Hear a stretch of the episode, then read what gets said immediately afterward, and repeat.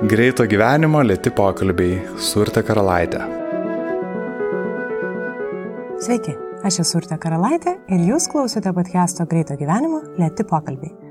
Jei klausite pirmą kartą, užsiminsiu, kad čia su įvairiais žmonėmis kalbame apie vidinį žmogų. Pažeidžiamą, atvirą, beribį ar labai ribotą visokį. Vos už kelių dienų tos didžiosios metų šventės, kurias kaip bebūti keista, man asocijuojasi su ramybė. Nekartą kučių vakarą ėjau viena per visai kitokį tylų Vilnių ir nekiek nekeista buvo tokį vakarą sveikintis su kiekvienu sutiktų žmogumi, nes jų buvo vos keli. Ir šitas ramybės ir artumo jausmas gal kiek per retas kasdienybėje kuria kažkokio nuostabaus utopinio pasaulio vaizdinius, kuriame aš visai norėčiau pagyventi. Šiandienos pokalbis labai priartėjo prie būtent šito šventinio ramybės jausmo. Kalbuosi su įvairias socialinės temas tyrinėjančiu fotožurnalistu Artūru Morozovu, kuriam šito šventinės vidinės ramybės ne tik nestinga, bet pokalbio metu jaučiasi, kad jam pavyksta net mane kažkiek apraminti. Kadangi podcast'e nori nekalbėti, o kalbėtis ir kurti jį kartu su žmonėmis, kuriems rūpi šitos temos, labai nedrasiai, bet visgi norėčiau jūs pakviesti prisidėti. O tai galite padaryti daryti paremdami podcastą Patreon platformoje. Mūsų rasite patreon.com pasvirasis brūkšnys lėti pokalbiai be lietuviškų raidžių. Taip galėsite prisidėti prie temų ar klausimų parinkimo, o man bus gera žinoti, kad tai darome kartu, o ne aš viena savo pačiai.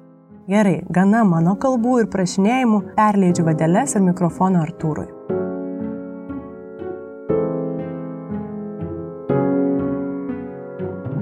Labas, Artūrai. Labas, Urte. Aš tave ilgiausiai gaudžiau iš visų savo pašnekovų per visą gyvenimą. Labai fainai, kad pagavau, tai ačiū, kad pavyko. Tai ačiū, kad gaudai.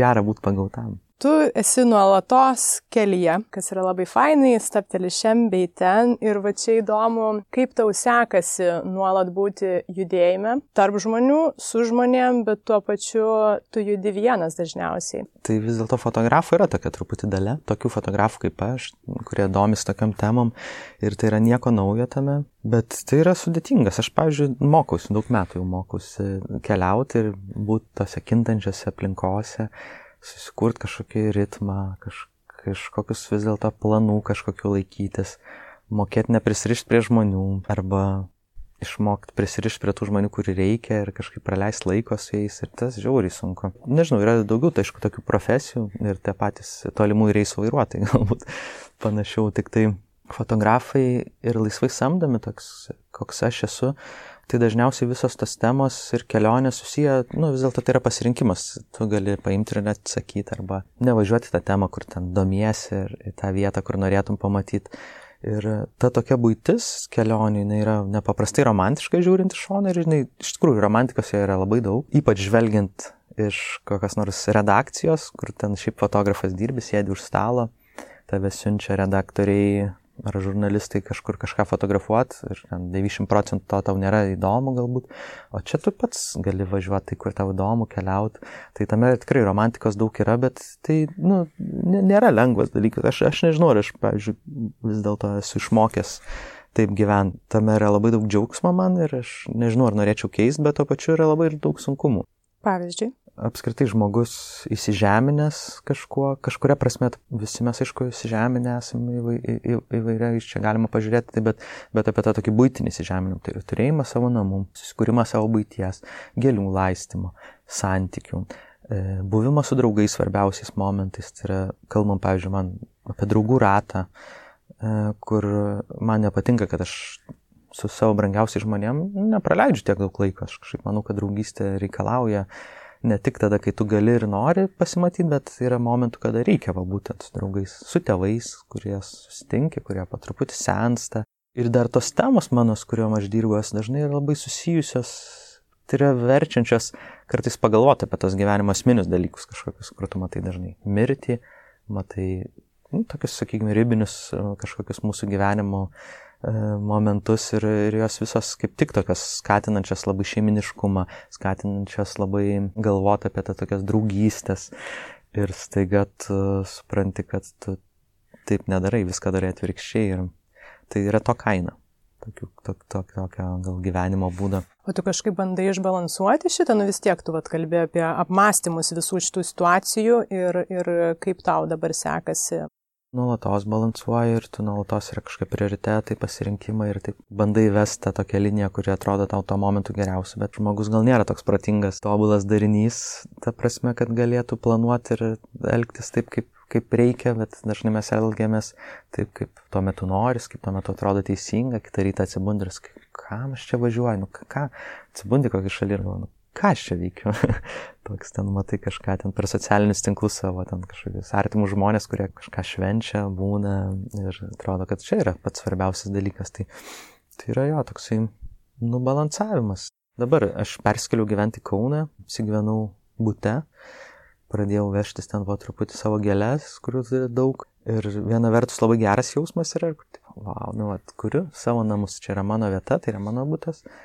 Bet kita vertus, nu, nuolatos, kiekvieną dieną spurda širdis kažką pamačius, e, pasaulį vykstant arba ten nuolatos planuojant kažką. Nu, ir, ir pradeda kažkokiu momentu tokie du pasauliai susidurti. Viena vertus tas toks įsižeminimas ir to svarba, o kitas dalykas ten pažinumo ir smalsumo ir, ir vėl nuolatinė kelionė ir ta baime užsisėdėti. Ir, ir galvoju, čia tau tiek metų ir nu, tai yra dabar tas laikas, kada tu gali sauliaisti keliauti, važiuoti, patirti. Tai gerai, kad yra tokių pavyzdžių fotografų. Pavyzdžiui, toksai e, čekų fotografas Josefas Kodelka, vienas mano mėgstamiausių fotografų, jam yra dabar 80 metų jiems jo. Ir jisai iki šiol keliauja, jis niekur per savo gyvenimą nebuvo daugiau negu 3 mėnesius. Aš nežinau, ar tai yra gerai ar blogai, bet aš matau išgyvenant žmogų, kuris turi ir šeimą. Tai tu mini dabar namus, e, būtas gėlės yra kažkoks tavo atskaitos taškas ar ne, kur tu klajoji, klajoji ir, ir grįžti, prisičekini. Taip, taip. Ir važiuoji toliau. O kelyje, va, aš įsivaizduoju, Na ir iš, iš savo gal patirties e, jaučiu, kad būna tokių momentų, kai yra, kai yra nu, nesaugu, neramu, aš nekalbu apie fizinę grėsmę šiuo atveju, bet nu, tiesiog kažkoks sudrebėjimas. Ir kas kelyje tau padeda kažkaip įsižeminti, kai, na, tu negali parbėgti namo. Kažkaip turbūt labiausiai padeda tai, kad aš esu fotografas ir vis dėlto tai yra misija tokia fotografuoti ir kaip ir tokia turi, nu, kiekvieną dieną turi tikslą kažką nufotografuoti, namus kažką pažinti, pamatyti, įamžinti, papasakoti Tai tas labai padeda, kad aš nesu tiesiog keliautojas be plano kažkokio, kur ten noriu kolekcionuoti gražias vietas ar kažką pamatyti, ir iš kur yra, bet vis dėlto yra tas toksai archyvo kūrimas, fotografavimas, vėliau peržiūrėjimas tų nuotraukos teikia didžiulį džiaugsmą ir vis dėlto tas džiaugsmas turbūt ir prasmė yra stipriausia, nes tai vyksta ir aš nieko nekeičiu ir matau to, suprantu to svarbą. O kalbant apie tokius paprastus dalykus, kas padeda, tai ką žinau, kiekvieną, dabar vad neseniai čia prieš kokius pusmetį pradėjau rašyti, pavyzdžiui, dienoraštį, kur e, aš vieną vat, Kauno fotografijos galerijoje, galerijoje turėjau pavasarį parodą ir ten pirmą kartą tokias citatas iš savo dienoraščių, labai trumpų, po kelionės Ukraina, Rusija, ten kitas šalis. Žiūrėdama, vaikščiodamas po parodą, aš supratau, kiek aš daug įdomaus dalykų išgyvenau ir kaip gaila, kad aš neužsirašinėjau. Aš, nes aš manau, kad daugybę temų kažkokiu aš išgyvenau tada, kai aš, nu, dar buvau, kaip pasakyti, nepakankamai subrendęs. Ir dabar dar toks, manau, nesu ir norėčiau būti vyresnis ir dėl to tie tokie dienorašiai, tie tokie kelionių užrašai, nu, aš dabar sugrįžtu prie tų tokių klausimų kažkokių, kuriuos išgyvenau kelionės ir dabar su kažkokiu suvokimu naujais ateinančiais, ten atsiverčiu kažką ir, ir paskaitau ir galvoju, wow, taigi čia tai yra, nu, tai va čia taip įvyko. Tai labai kažkaip liūdėjau, kad to mažai užsirašinėjau, tai dabar pradėjau daugiau rašyti ir taip, taip atrodo, Gombrovičius, Lenkų rašytojas, rašė, kad dienoraščiai turi būti labai atviri. Tai bandau tai daryti labai atvirai ir taip sukuria tokią rutiną kasdienę. Yra kiti ritualai. Dantų valymas, maisto gaminimas visgi nemažai praleidai laiko neįtin saugiose situacijose ir dirbdamas būtent ten, konflikto zonose, tavo ne tik išorinis, bet ir vidinis saugumas sudreba. Kas čia yra, jau čia nebe namų ir, ir to pagrindo įsitvirtinimas, bet kas yra vat, tavo saugumas, galbūt, kai tu esi jau tikrai sudėtingose situacijose, ne kasdien. Kalbant apie tas, jeigu fizinį saugumą, tai aišku yra ten to tokio atsitiktinumo momentas, kada iš tikrųjų važiuojant tas vietas, tu tiesiog žinai, kad yra padidintos rizikos zona ir tiesiog gali įvykti tam tikras atsitiktinumas ir, nežinau, kažkas atsitiks, bet pagrindinis pavojus prasideda nuo vidinio tokio saugumo, tai yra kaip tu viduje jautiesi užtikrintas, žinantis, ką daro, ką, ką tu darai, apgalvojantis nuolatos, diskutuojantis savim, abejojantis Ir kai ta diskusija nustoja vidinė, kada tu tiesiog pasiduodi, o tada atsiranda pats didžiausias pavojus. Ir tai matau dažnai, labai retais atvejais matau ir pa žurnalistus, bet dažniausiai pas karius aš matau, kaip, kaip jie apleidžia tą tokį vidinį savo saugumą, jeigu kalbam dabar apie tai. Ir pradeda jam grėsti kažkas, nežinau, jau tada fiziškai, kaip pavyzdžiui, jeigu kalbam apie fronto liniją, pavyzdžiui, pradeda nebevažiuoti pas artimuosius per rotaciją, kada, nu, ten karys, ten, sakykim, parabūna tris savaitės, turi savaitę atostogų, jie pradeda, apleidžia higieną, Pir, pirmi tokie būna požymiai, kad, pavyzdžiui, nustoja dantis valyti žmogus, nustoja praustis, nustoja, ne, nebenešio neperšunamas lemenės, nebekalba su artimaisiais ir žūsta. Ir tokių daug pavyzdžių, nu, nedaug, bet 3-4 tokių žmonės esu su jais susipažinęs, praleidęs laiko, kurie galiausiai žuvo ir tą labai teko vat ryškiai pamatyti, kada tu toks susitaikai su kažkuo ir tada tas toks fizinis saugumas labai pradeda pasimetais tiesiog. Tai kas čia įvyksta va toje situacijoje? Kaip jisai praranda tą savo vidinį saugumą? Kažkokį tai tą, tą stuburą, kuriam praėjo neberūpėti viskas. Nu įdomu čia tema, turbūt yra šimtai galimybių, kaip, kaip tai vyksta, bet uh, Bet jeigu kalbame, pavyzdžiui, apie konflikto zonas, apskritai apie kažkokias vietas, kur yra labai stiprus išgyvenimas, šiuo atveju, sakykim, karas. Ir tai yra, nu, visiškai atskira kišenė gyvenimo, kažkokios laiko, erdvės, išgyvenimų kažkokia vieta, kur tu gali ten patekti ir niekam nebesvarbu, niekam nesvarbu, kas tu buvai prieš tai. Prasme, tu gali būti prasiskolinęs melagis, tu gali būti neištikimas smurtaujantis vyras, tu gali, nežinau, savo visas juodžiausias kažkokias savybės palikti išoriniam pasauliu ir staiga tu ateini į karą, užsidedi, ne, užsidedi kamufliažinį kostiumą ir tu ten esi herojus, nes visi yra herojai, tau siunčia kiekvieną dieną vaikai iš įvairių ten, sakykime, mokyklų, apie Ukrainos pavyzdį kalbu, piešinukus, kaip tu ten saugai tėvynę ir tu pasijauti nepaprastai gerai. Tu esi visiškai tarp bendraminčių gyvenimas pasidaro nepaprastai paprastas, tai yra, va, ten yra priešas, čia yra tavo bendraminčiai, draugai, už kuriuos tu gali atiduoti viską ir kurie dėl to tave taip vertina ir, ir tu juos vertinės, jie už tave gali atiduoti viską ir sunkiausiais momentais jūs išgyvenat, patirėt kažkokį nuotykį. O ten yra tu turi, su kuria tu turi kovo.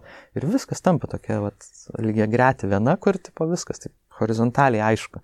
Nėra kažkokių ten dalykų. Ir, ir tai labai traukia, tai žiauriai stipriai traukia. Ir, Ir e, dėl to turbūt važiuoti tas vietas, aš matau, pavyzdžiui, kalbant apie žurnalistus, matau vyresnius žurnalistus, kurie dirba, kurie turi pakankamai išminties, turbūt turi tam, tam, tam tikrus gyvenime pamatus, kažkokias vertybės labai aiškės ir jie važiuoja ten su aiškiamis.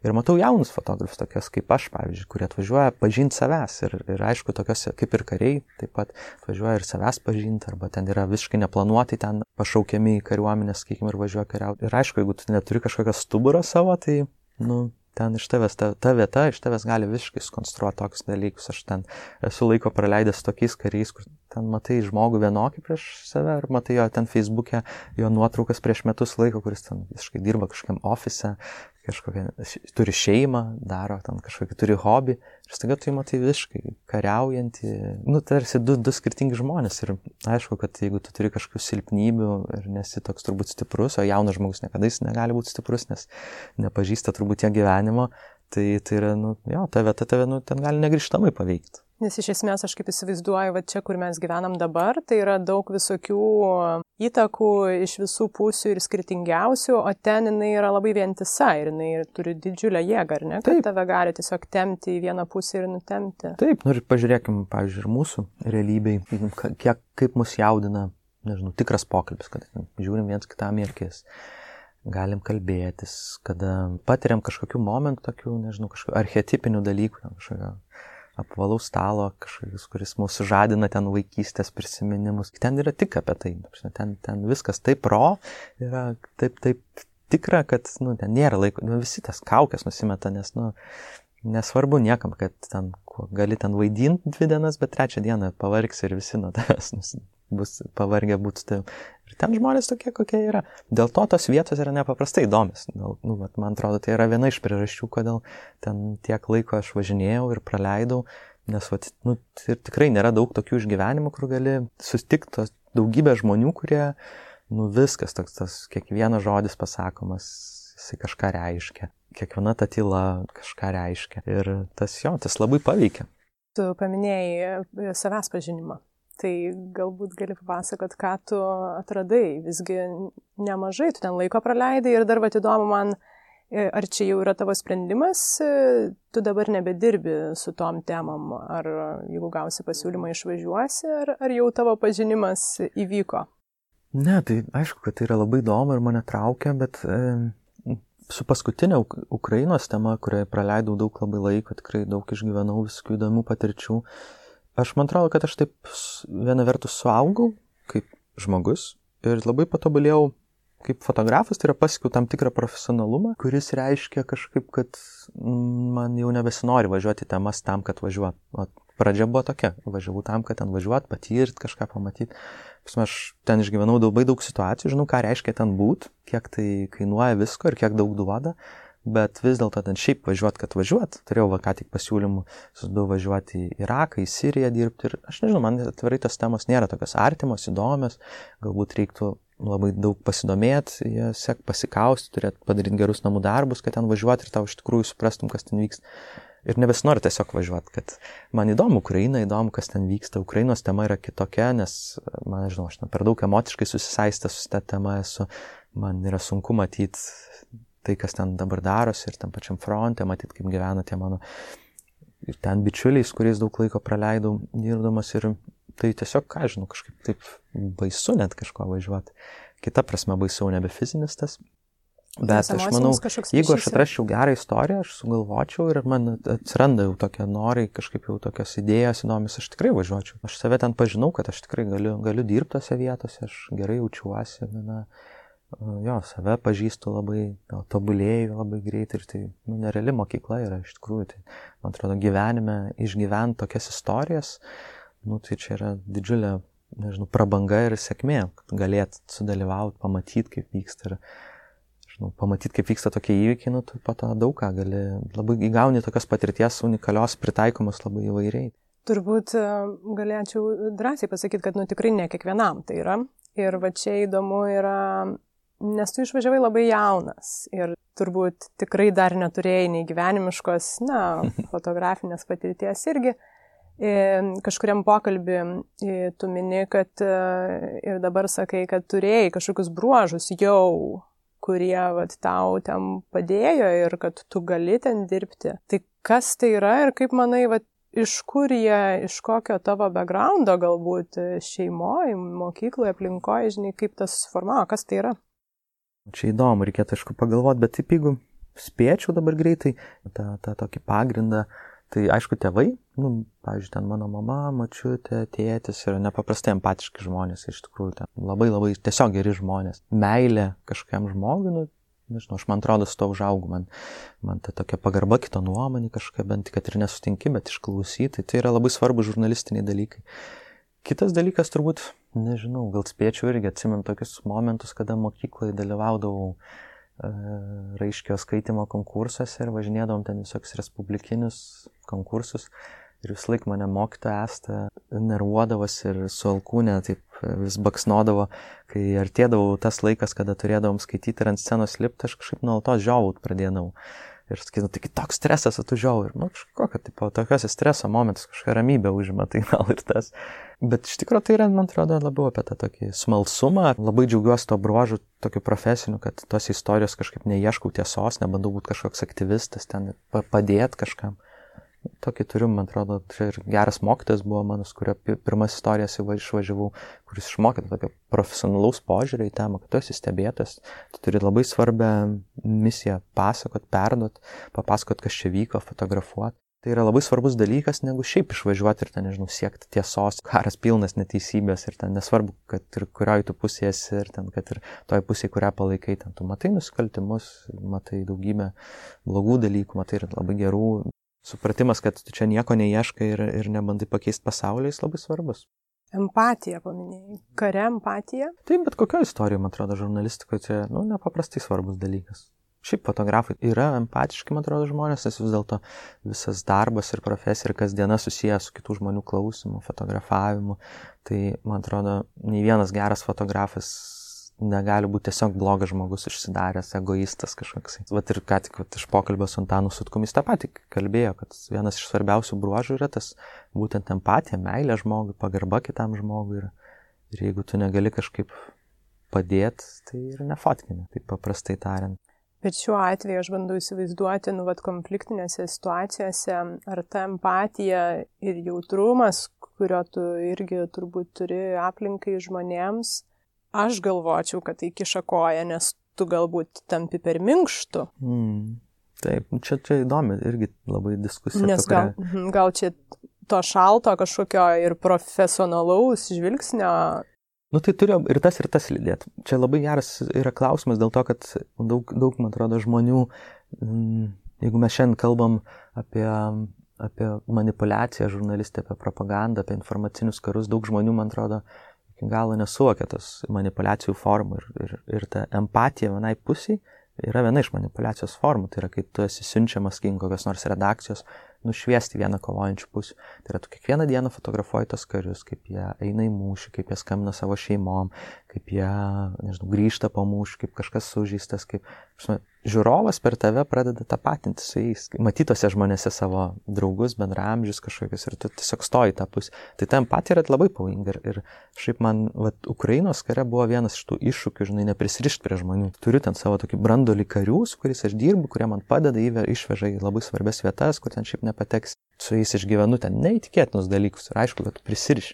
Bet tada aš matau, kaip jie, pavyzdžiui, padaro kažkokių negerų dalykų. Ne, ne, nu, sakykim, apie Ženevos kokią konvenciją kalbant, nebūtinai teisingų dalykų ir, ir, ir tarsi aš stoju jų pusę, bet gebėti juos kvestionuoti ir apie juos kalbėti kažkaip teisingai, bet šiuo atveju blogai yra žiauriai sunku. Tai va tas toks turi labai lydėtas profesionalumas ir žmogiška empatija. Lygiai taip pat ką reiškia jausti empatiją priešui, kuris daro nesąmonės, kuris, ten, nežinau, man teko stebėti Ukraino irgi atvejai, kada ten per taikos, e, per taikos pasisutartį, per Minsko sutarimus pirmus pasirašymą jau turėjo būti visiškai paliaubas ir kaip kariai, e, separatistai ir rusų karys, tikras rusų karys su antpečiais, šaudė, šaudė į ukrainiečių šarvuotį ir galiausiai nušovė. Ir sprogdino už 3 km prie Luhansko šarvuotį ir aš matau visą tai ir jie džiaugiasi ten sveikina vieni kitus, ir, bet aš turiu su jais imti interviu ir, ir aš aišku padariau tą interviu. Įdomus tas žmogaus, žmogus kaip darinys, jo sąmonė,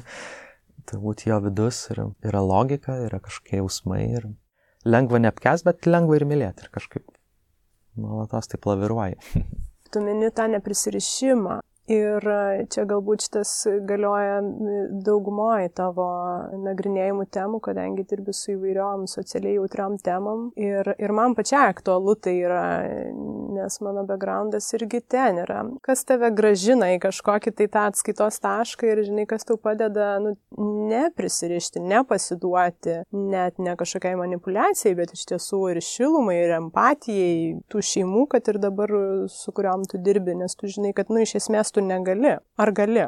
Aš manau, kad po to profesionalumo skraistė, kuria labai svarbi žurnalistikai vis tiek kažkaip tas žmogiškumas yra ir jo būtų kvailai kažkaip slėpti. Ir, ir yra daugybė pavyzdžių ir diskusijų tokių žurnalizme, kada įvyko kažkokios istorijos ir viena kiščiausia, atsimenu, buvo, kai mano vienas kolega, rusų fotografas, kai pabėgėliai lai, lipo iš laivų Lesbo saloje iš valčių, jis iškėlė vieną mergaitę, padėjo jai tiesiog išlipti iš valties. Ir kilo didžiulė diskusija, žinai, ką jisai padarė, kodėl jisai padeda istorijai, nu, tarsi jis turi būti stebėtas, bet va, čia yra, man atrodo, tas kvailas jau požiūris ir, ir tas kvailas mintis, kad čia mes turim būti šalti kažkokie ir ne, tai aišku, kad yra paprastas žmogiškumas, elementarus ir Bet va čia ir yra įdomu, įdomu pakalbėti apie tą balansą ir man, man jį atrast padeda turbūt daug artimų draugų, daug kalbėjimus, nanuk komandas, kurie galima kažkaip diskutuoti, kažkaip nuolatos taip save susikalibruoji, nes į tas temas, nu, iš tikrųjų, jeigu ypač darai tas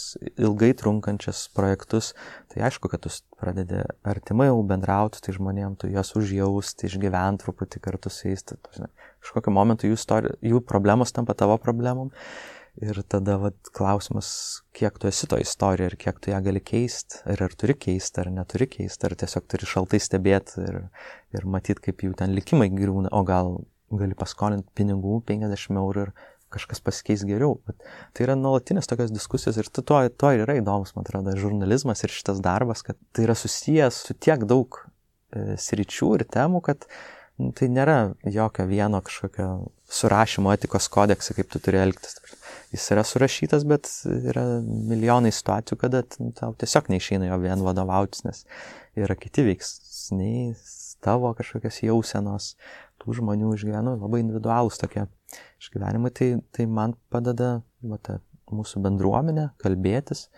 Labai gaila, kad Lietuvoje nėra fotožurnalistų apskritai bendruomenės tokios stiprios, kurie galėtų kalbėti ir, ir, ir, ir apskritai nušviesti tokias sudėtingas temas ir man atrodo to pasiekmė yra, kada įvyksta tokios temos kaip pabėgėlių krizė, informacinis karas, temos apie Rusiją, vaikų vaikų teisių klausimai, kada ten vaikai paimami iš pavojingų šeimų ir matom, kaip žiniasklaidas čia visiškai neišlaiko to egzaminą. Jeigu būtų studentas, būtų, man atrodo, išmestas iš universiteto. Tai va yra to pasiekmė, kad mes neturim labai stipraus stuburo žurnalistikoje. Ir, ir, pavyzdžiui, man grįžtant iš tų kelionių, nu, tikrai būdavo didžiuliai hosai galvoj. Tai man labai pasisekė tik dėl to, kad aš turiu artimų daug draugų, kurie yra labai slavinę, su kuriais aš galiu ilgai kalbėtis, jie man užduoda labai daug klausimų ir taip aš tai kažkaip tada suprantu, kur yra ta tiesos linija, teisybės tiksliau, ir kažkaip padeda tai toliau dirbti. Bet jeigu aš būčiau vienas, tai nežinau, kaip tai atrodytų. Man kažkaip paraleliai iškart susivedė su psichologų e, darbu, nes tas emocinis krūvis e, labai galbūt panašus yra, tu jo tiek daug gauni kasdieną tokiam darbe ir, ir psichologo, tu turi dalintis ir, ir, ir tu nebegali, kaip tu sakai, pats vienas ten rasti atsakymų. Tau truputį reikia vat, tos bendruomenės, kuri kartu su tavim pažiūrėtų iš tas situacijas. Taip, ir kuo sunkus turbūt fotografų ir žurnalistų darbas, kad tu negali pats kištis tą istoriją ir keist. Nežinau, tiek, man atrodo, psichologas, tiek tiek žurnalistas negali, nežinau, padėti ten įsiskirti su smurtaujančiu vyru, nors tai būtų labai žmogiška ir žvilgsnis iš šalies, bet kaip pasakė kažkokią žurnalistinę brandą, link kurios aš tik dar pakeliu esu, bet yra, yra daugybė metodų, kada, kaip tu tai gali padaryti, nežinau, per klausimus. Man atrodo, geras interviu tas ir yra, kur kažkaip po kurio tu išeini po to interviu. Ir nuo tų klausimų, kuriuos tu gavai, tu jauties kažkoks susimastęs, kažką naujo savį atradęs emocijos vėlgi visuose projektuose, su kuriais tu dirbai, manau, kad netrūksta jų pačių įvairiausių. Ir turbūt kiekvienoje iš tų situacijų yra visas spektras nuo A iki Z. Kaip tu atrandi, nežinau, ramybę tam, tam tikram nu, emociniam chaose? Ir gal įdomu irgi pažiūrėti laiko perspektyvą, kai tu pradėjai labai jaunas ir kaip tu išmokai su juom dirbti pasikartosiu, bet manau, kad man nu, labai pasisekė, kad e, kažkaip šalia manęs visą laiką buvo labai tokie žmonės, kurie kažkaip geba gerai klausti. Mano tikrai mokytai padėjo suprasti, kas tai yra, kaip su tuo elgtis. Pokalbis su kolegom, pokalbis su draugais, padeda atrasti tokią vėl grįžti vidinę ramybę ir kiti dalykai. Kažkaip tiek dirbamas netgi konfliktuose vis laik savo buvau užsibrėžęs tą, kad neilgiau savaitės laiko ten fronto linijoje, ten, ten po to laiko tu pradedi, va, kaip sakiau, tolt nuo savo vidinio saugumo pradedi. Ai, numot rankai daugelį dalykų, kurie gali tave pražudyti vienaip ar kitaip. Ir aš visą laiką grįždavau į artimiausią miestą, pasimdavau gerą viešbutį, vieną kartą esu nuėjęs net į teatrą, nueidavau į barą, nu, toks, kad jaustą gyvenimo pulsą. O čia grįžus po tų istorijų, tai nežinau, gamta turbūt vaikščiat, džiaugtis ją, tyloj tą visoje, būti su draugais, tai čia galva nerti tą tokį įprastą gyvenimą. Tas tai padeda ištraukti ir, ir vėl taip nuraminti, nusadinti. Tu daug kalbė apie žmonės, vienatvė tau pažįstamas jausmas? Taip, taip. Aš manau, kad aš esu labai stiprus dėl to, kad nebijau būti vienas su savim ir kažkaip man jo, labai gerai jaučiuosi. Tu to išmokai ar?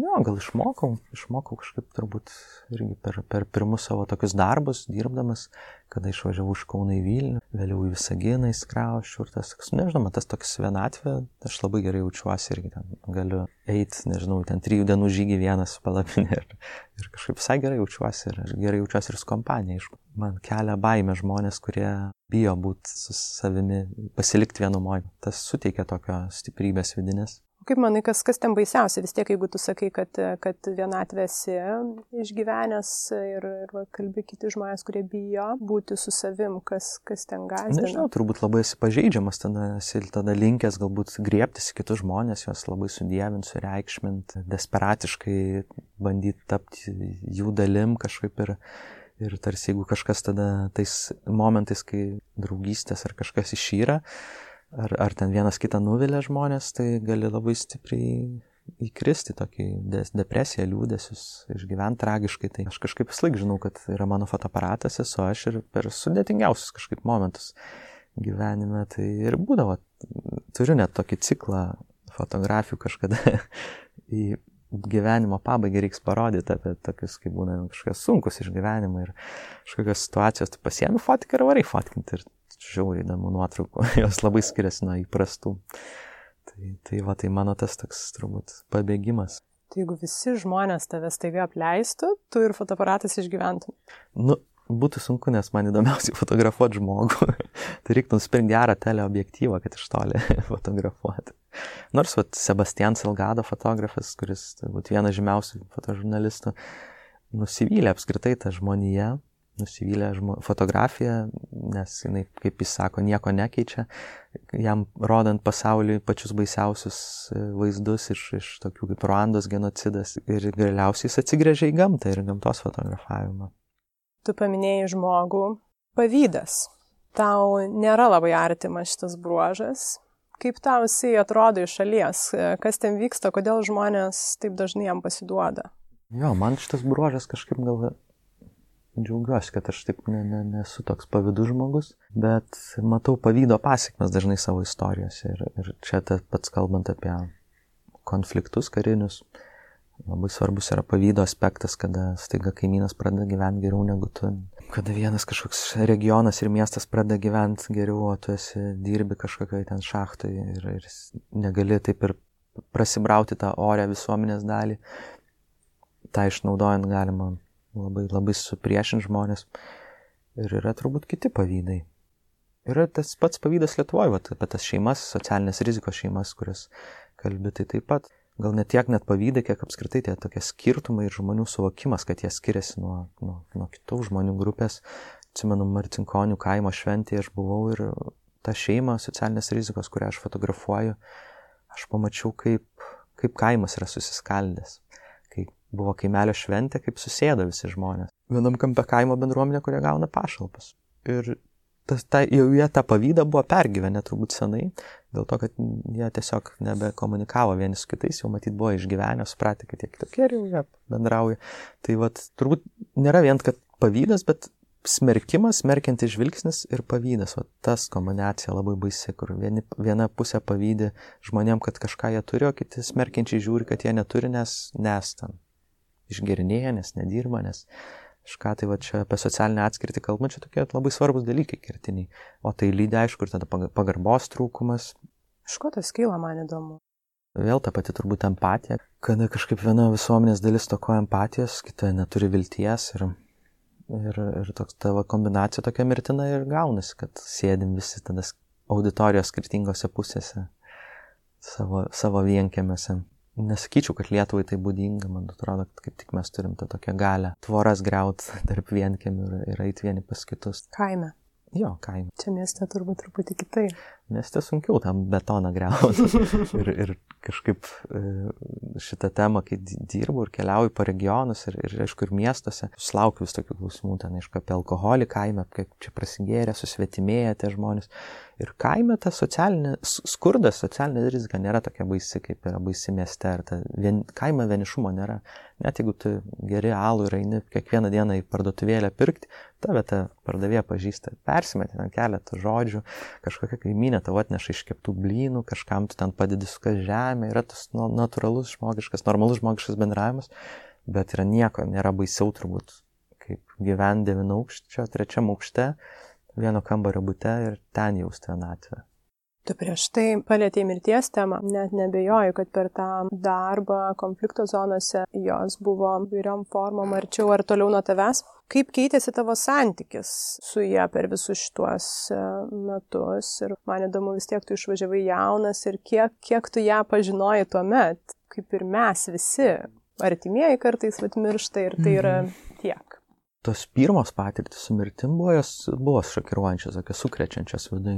Fotografai keisti sutverimai, nes važiuoja į tokias vietas praktiškai ieškoti mirties, nes visos temos yra, nu, jeigu mes kalbame apie konfliktą, karą, yra viena svarbiausių temų yra aukos. Viso to įvykio pasiekmes tai yra dažniausiai auka, žmogaus auka, prarasti jo namai, prarasta gyvybė ta vieta gal mano kažkaip santykio su mirtim nepakeitė, kiek supažindino su pačia ta tokia medicininė mirtim. Tai yra kaip natūralus procesas yra mirties. Ir, nežinau, man yra tekę vieną karį palydėti į, į, į kitą pasaulį mirštant. Ir nežinau, tai buvo toks super natūralus kažkoksai procesas, bet tose vietose tai yra natūralu dėl to, kad tu esi taip pavargęs ir fiziškai, ir emociškai, nes visą laiką tokiam įsitem, įsitempime būni ir kažkurio momentu taip viskas persirengęs, tu taip atsipalaiduoji ir, ir ta mirtis tampa tokia kažkaip paprasta ir tokia natūrali ir net kažkuo tokia graži, artistiška, meniška. Bet tik dėl to turbūt, kad fronte nėra artimųjų gedinčių ir ta mirtis yra visai kitokia šarvojimo salė, kada ten atsisveikina žmonės arba ligoniniai, kada yra ašaros ir tas yra, tas yra labai baisu ir man, ir man ta katalikiška, krikščioniška, turbūt ta mirties išlydėjimo į tą kitą pasaulį, to atsisveikinimo e, tradicija, jinai yra labai nepaprastai, ne, liūdna, tragiška ir kažkaip vakar, va čia su draugu mes naktį susirašinėjom su Tom, Tom, Thompson, statybininku Žemaitijos. Ir kažkaip jisai sakė Artūrai, sako, ar ir tu taip jauties kažkaip, kad ką reiškia tas žodis užuojauta kažkaip, ar, ar, ar, ar reikia užjaus žmogų, nu, iš esmės, ar, ar, ar kodėl, žinai, visą tai turi lydėti ašaros ir, ir, ir kažkoksai gailestis kažkam, tas, tas dvi dienos šarvojimo ir vieni per kitus ateina nauji žmonės ir artimiesiams suteikia dar daugiau graudulio. Ir... Tai aš kažkaip turiu pagonišką tokį požiūrį į mirtį ir, Ir man atrodo, istorikas e, Vaitkevičius, Vykintas Vaitkevičius, kažkada, berots jo čia yra frazė, kad, kad mūsų pilienų tragedija, ne tragedija, tai yra pilienų istorija visa, kada, kada lietuviai ne, nenorėjo pasiduoti priešų, priešam ir, ir pasirinko mirtį. E, tai galbūt mes kalbam dažnai labai kaip apie drąsą, bet gal čia nebuvo drąsa, tai buvo tiesiog kodėl bebaimiai karžygiai taip stodavo į mūšį, nes jie žinodavo, kad jeigu ką blogiausiu atveju, kuris galbūt nėra blogiausias, susitiks toj su artimais. Tai yra mirties samprata, kad mirtis tai nėra ta pabaiga, bet galbūt kitas pasaulis, reinkarnacija kažkokia. Tai aš kažkaip žiūriu mirti taip ir kažkaip man ir Gruzijoje labai ta, ta keletą metų iš eilės dokumentuoju jų, jų kapinių tradicijas ir tas vyno gerimas kapinėse ir pa, pačios laidotuvės, kada yra atkeliami tostai už, už, už mirusį, kada prisimenamos įdomios situacijos, kada e, iš esmės džiaugiamasi, kad mes su to žmogum turėjom galimybę kartu gyventi, kad jis mus kažko išmokė, kad mes su juo išgyvenom daug svarbių akimirkų. Tai, Tai mano tokias, va tokia yra filosofija tos mirties kažkaip e, per karą ir tos konfliktus ir dirbant Lietuvos žiniasklaidą ir, ir matant tiek fotografuojant gaisrus, avarijas, kur būdavo taip pat mirusių žmonių e, man parodė, kad tai yra neišvengiama dalis ir, ir iki to laiko aš gal tiesiog apie tai tylėjau, niekas apie tai nekalbėjo, niekada mes ten nematėm, jeigu matėm, tai žmogų gražiai aprengta karste ir, ir ten viskas skambant gražiai muzikai, vai, gėlių vainikais atsisveikinant, bet ta mirtis, va, jinai yra tokia ir jinai gali kiekvieną dieną mus sutikti, nebūtinai mus, prieš mus gali kažkas įvykti ir, Ir tai yra toks mūsų natūrali gyvenimo dalis, turbūt, kur kvaila to bijoti. Ir nors, aišku, gaubė daug mistikos, baimės ir tas turbūt natūralu, nes tai yra apie kažkokį stebuklą kalbam, kurio negalim labai paaiškinti. Tai visgi pačioj pradžioj, nors mes ten ir nekalbėjome apie mirtį, tu paminėjai, kad jau yra tas amžius ir kad dar keliauti reikia, nes nu, nesakau, kad kiek čia beliko, bet žinai, nu kažkokį tai atskaitos tašką ir, ir pabaigą tu matai, ar yra kažkokia tai, ne tai kad baime, bet žinai, vat, to skubėjimo tokio išnaudoti kiekvieną akimirką jausmas.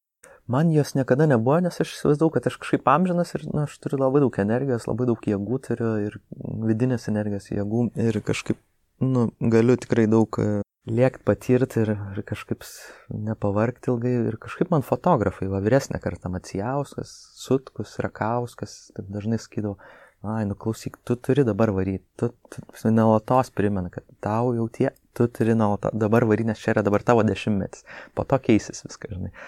Ir aš tada klausiu, kas keisis, tai, nu, tarsi, žinai, va, tai yra fotografų, kurie ir keliauja, sako, keisis temos, nes tu nebegalėsi tiek daug liekti, tu tampi atsakingesnis, tampi protingesnis, turi atsakomybių daug daugiau, galbūt šeima, galbūt kažkas darbas, gal, gal nežinau, kažkas. Ir tai, tai yra tiesa, tai man labiau tas gazina, tos atsakomybės, kurios teis ir kažkaip laisvė yra tikrai man turbūt viena didžiausių vertybių.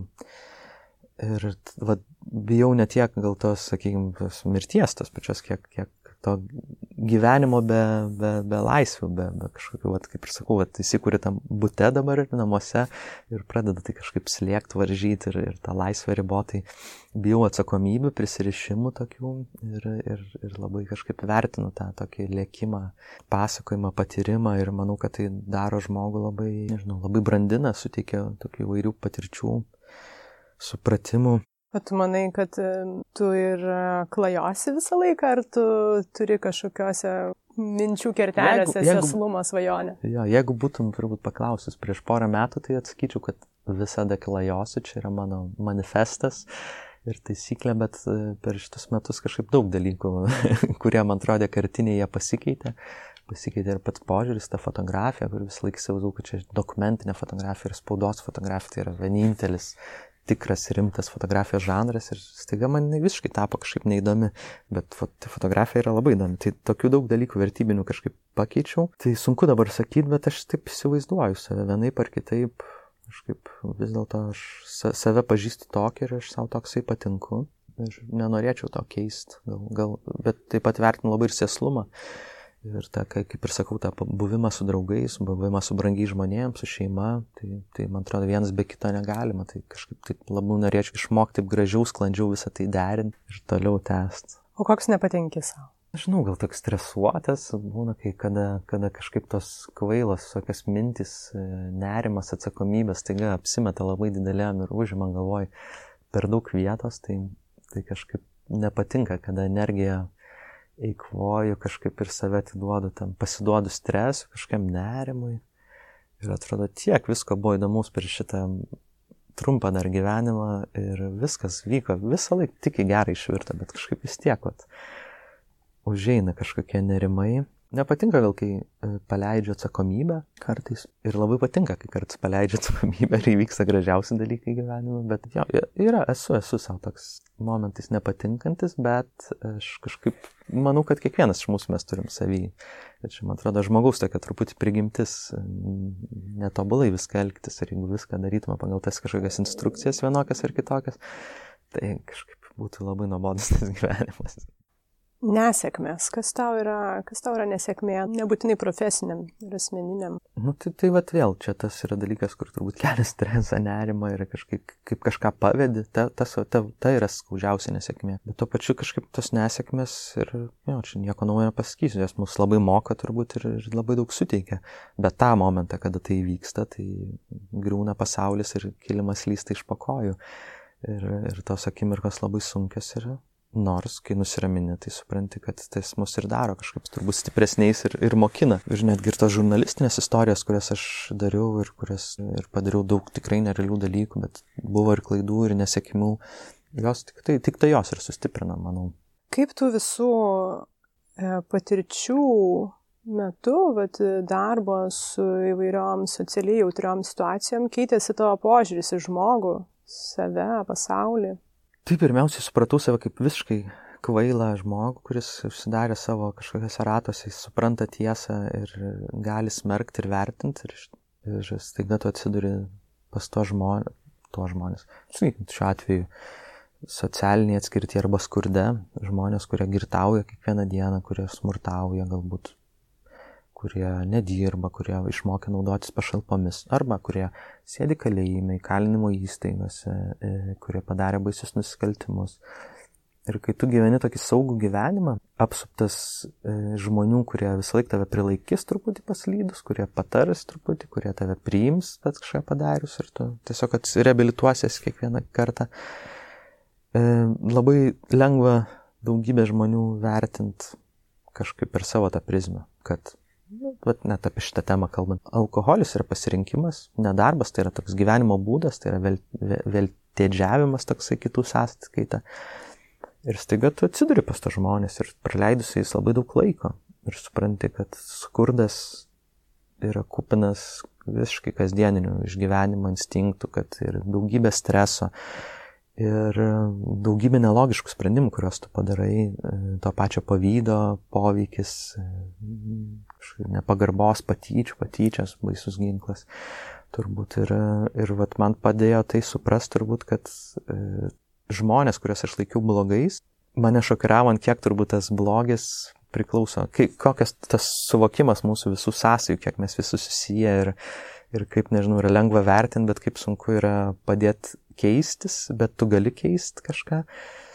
Tai, tai vat visą tai turbūt privedė prie tokių supratimų, kad nu, nieko negalima teisti. Ir va, visą šitą vakarą dabar darau tą knygą apie skurdą Lietuvoje, tai kai tau pristato, nežinau, kažkokį žmogų, va čia va, tai yra kaimo vagis ir tu matai, kad tu niekada toks nebūsi, bet staiga per ilgus interviu tu supranti jo tą kelią ir grįžti į tą vietą, kada jisai gyveno visiškai taip pat kaip tu, turėjo tokius pačius planus, ten viską, bet vat, kažkas atsitiko ir man tas atsitiko gal ir tau gal buvo atsitikę, bet ten šalia mūsų buvo ten šeima, draugai kažkokie, mokytojai geri mokyklai, o šalia vaitio kažko nebuvo ir jis pradėjo eiti kitų kelių, venančių ten į žemyn. Tai yra labai žmogiška ir labai lengva ir visos tos konfliktų temos irgi, kalbėti su kažkokia priešiška pusė, kalbėti su ten, rusų kariu Dombase. Tai yra nepaprastas patirtis, kada labai lengva būti priešišku jam, bet labai sudėtinga užtat bandyti suvokti jo kelią iki to pasirinkimo.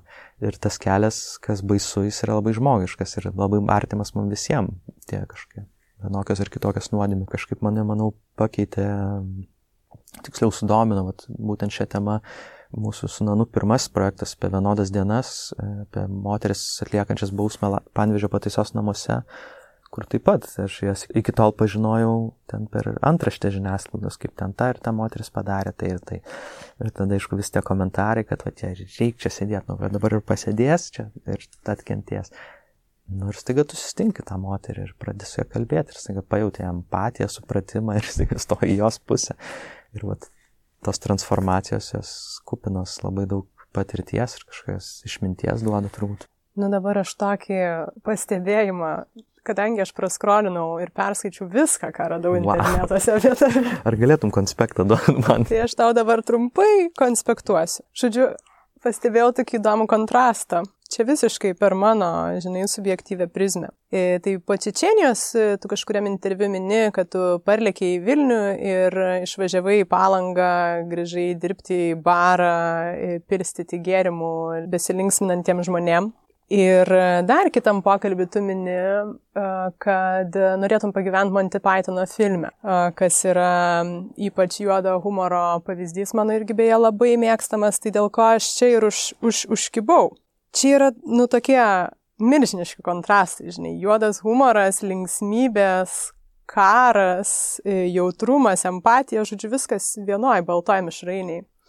Tai vad, kaip tu matai šitas priešpriešas ir, nu, kas čia vyksta tavo asmenybėje, žinai, įdomu. Nu, tai tu, viena vertus, dėl tų priešpriešų galima išprotėti, bet jeigu bent toj priešpriešai nebūtų vienos pusės, tai dar greičiau išprotėtum. Pavyzdžiui, karas tas pats, kuris e, yra labai tragiškas, krūvinas ir baisus, jis yra kupinas humorą, kupinas va tokių va, keiščiausių dalykų, keiščiausių priešpriešų.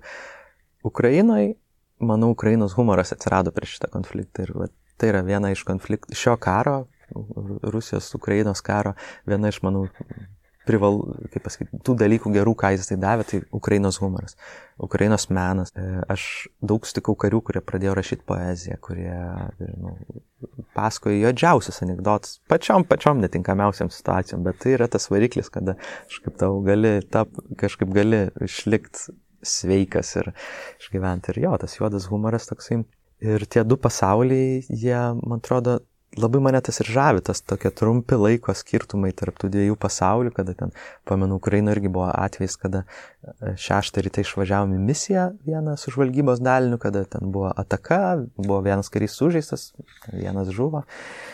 Ir dar padėjau tą sužeistą karį išgabenti ir mane 9-10 ryto nuvežė į artimiausią miestą, ten sėdau į traukinį, nuvažiavau į Kievą, iš Kievo nuskridau į Vilnių, iš Vilniaus į Kauną, 11 val. Kaune kultūrai geriau vyną su draugais. tai va tokia para. Ir viena vertus tai tikrai keista ir, ir gali išvaryti iš proto, bet jeigu nebūtų to baro, tų bičiulių ir tų, to humoro ir Monty Pythono kažkokio šalia viso to, tai man atrodo iš vis būtų baisu labai. Tai manai, kad juokas gali išgelbėti pasaulį? O, tai aš manau, jis gelbėja sėkmingai jau ten tiek civilizacijų. Artūrai, tu esi vienintelis Artūras, kurį aš pažįstu. Dėl to aš turiu tavęs paklausti šitą klausimą. Ar ta daina, kur su kitu bahūru yra apie tave? Pala, kokie ten žodžiai? Su kitu bahūru, su kitu bahūru, su kitu bahūru. Nu, bu, buvo mačiau. gyvenime tokių situacijų, kada manau, kad kažkas galėjo iš šono parašyti šitą dainą apie mane. Kažkaip jo, mano išpopuliarino vardą šitą dainą ir dažnai mėgo vairius mėtyti žmonės mokykloje, kad kažką matė su manim, kažkaip buvau pamiršęs už šitą dainą. Būtų įdomu e, dabar pasikapstyti ir suprast, kokias tas ištakos dainos, kas, kas čia sukūrė. buvo Artūras, turbūt kitas koks nors Bahūras, Kaune Kalniečiuose. Beje, labai fainai, žinai, kad mes abu užaugom tam pačiam rajone, nors susipažinom tik tai šiemet. Kalniečius irgi? Taip, taip, o, mes geras. kalbėjom, atsimeni, nu čia galėsim pratęs po to, linkėjimai kalniečiam beje. neighborhoodai. Tai žiūrėk, pabaigai aš galvoju, nu neišvengiamai artėja mm, nauji metai. Tiesiog įdomu, ar tau bent kiek tas kalendorius kažkaip padeda susiorganizuoti, nežinau, save ar planus, idėjas. Tam kalendoriui yra keletas dienų, kada jos svarbios yra. Ne, ne tiek svarbios kažkokia, sakykime, religinė prasme, kaip ten Velykos, Kalėdos, bet svarbios, nes tai yra dienos, kada aš kažkaip stengiuosi važiuoti pabūti ten su šeima, su tėvais ir čia yra labai svarbus ir e, brangus momentai, bet mano kalendorius atrodo kitaip, jis tai yra labiau apie planus, apie keliones, apie deadline'us, apie kažkokius jo susitikimus ir kažkaip daug tų švenčių gyvenime yra. Vakar trečią rytą iš mažio Paryžiaus išėjau Kaune prašokęs. Daug lietų šokių, sužaidė šaškėmis. Šiandien atvažiavau ryte pas Sutku e, kalbinti Antaną Sutku interviu. Antanas įpylė viską. Manau, kad tai yra šventė. Šiandien čia susitikom kokie nauji metai. per naujus metus reikia užsiklojus kaldrą gulėti ir skaityti knygas turbūt ramiai. Bet turėjome nuo sausio pirmos ten kažkokių tai planų, žinai, pakeisti savo gyvenimą aukštinkojom, pradėti valgyti tik agurkus. Net. net nu, va čia tas jau yra amžius ir branda, kur kiek galima apgaudinėti tom rezoliucijom save. Žinai, ne, gal kažkaip... palengvina, tai ne, kad nenori to. Mano tas rezoliucijos ir, ir, ir savo uždaviniai kažkaip atsiranda po kokios geros knygos, įdomaus pokalbio, kurį susirašai, kad klausyk. O aš tą supratau ir aš dabar čia tą, į tai turiu kreipdėmės. Bet nauji metai tai ne, ne. Nauji metai yra apie šampaną labiau ir bėgimą nuo rezoliucijų. tai Arturai, gero tau e, šampano ir e, ačiū dar. Kartą. Tai ačiū, labai įdomus klausimas. Šventės. Irgi šventiškas toks buvo pokalbis. Ačiū, kad klausėtės. Nepraleiskit naujų epizodų, sekdami podcastą Instagram ir Facebook paskiruose. Ramių jums švenčių ir nepamirškite juoktis, kai labiausiai norisi verkti. Iki.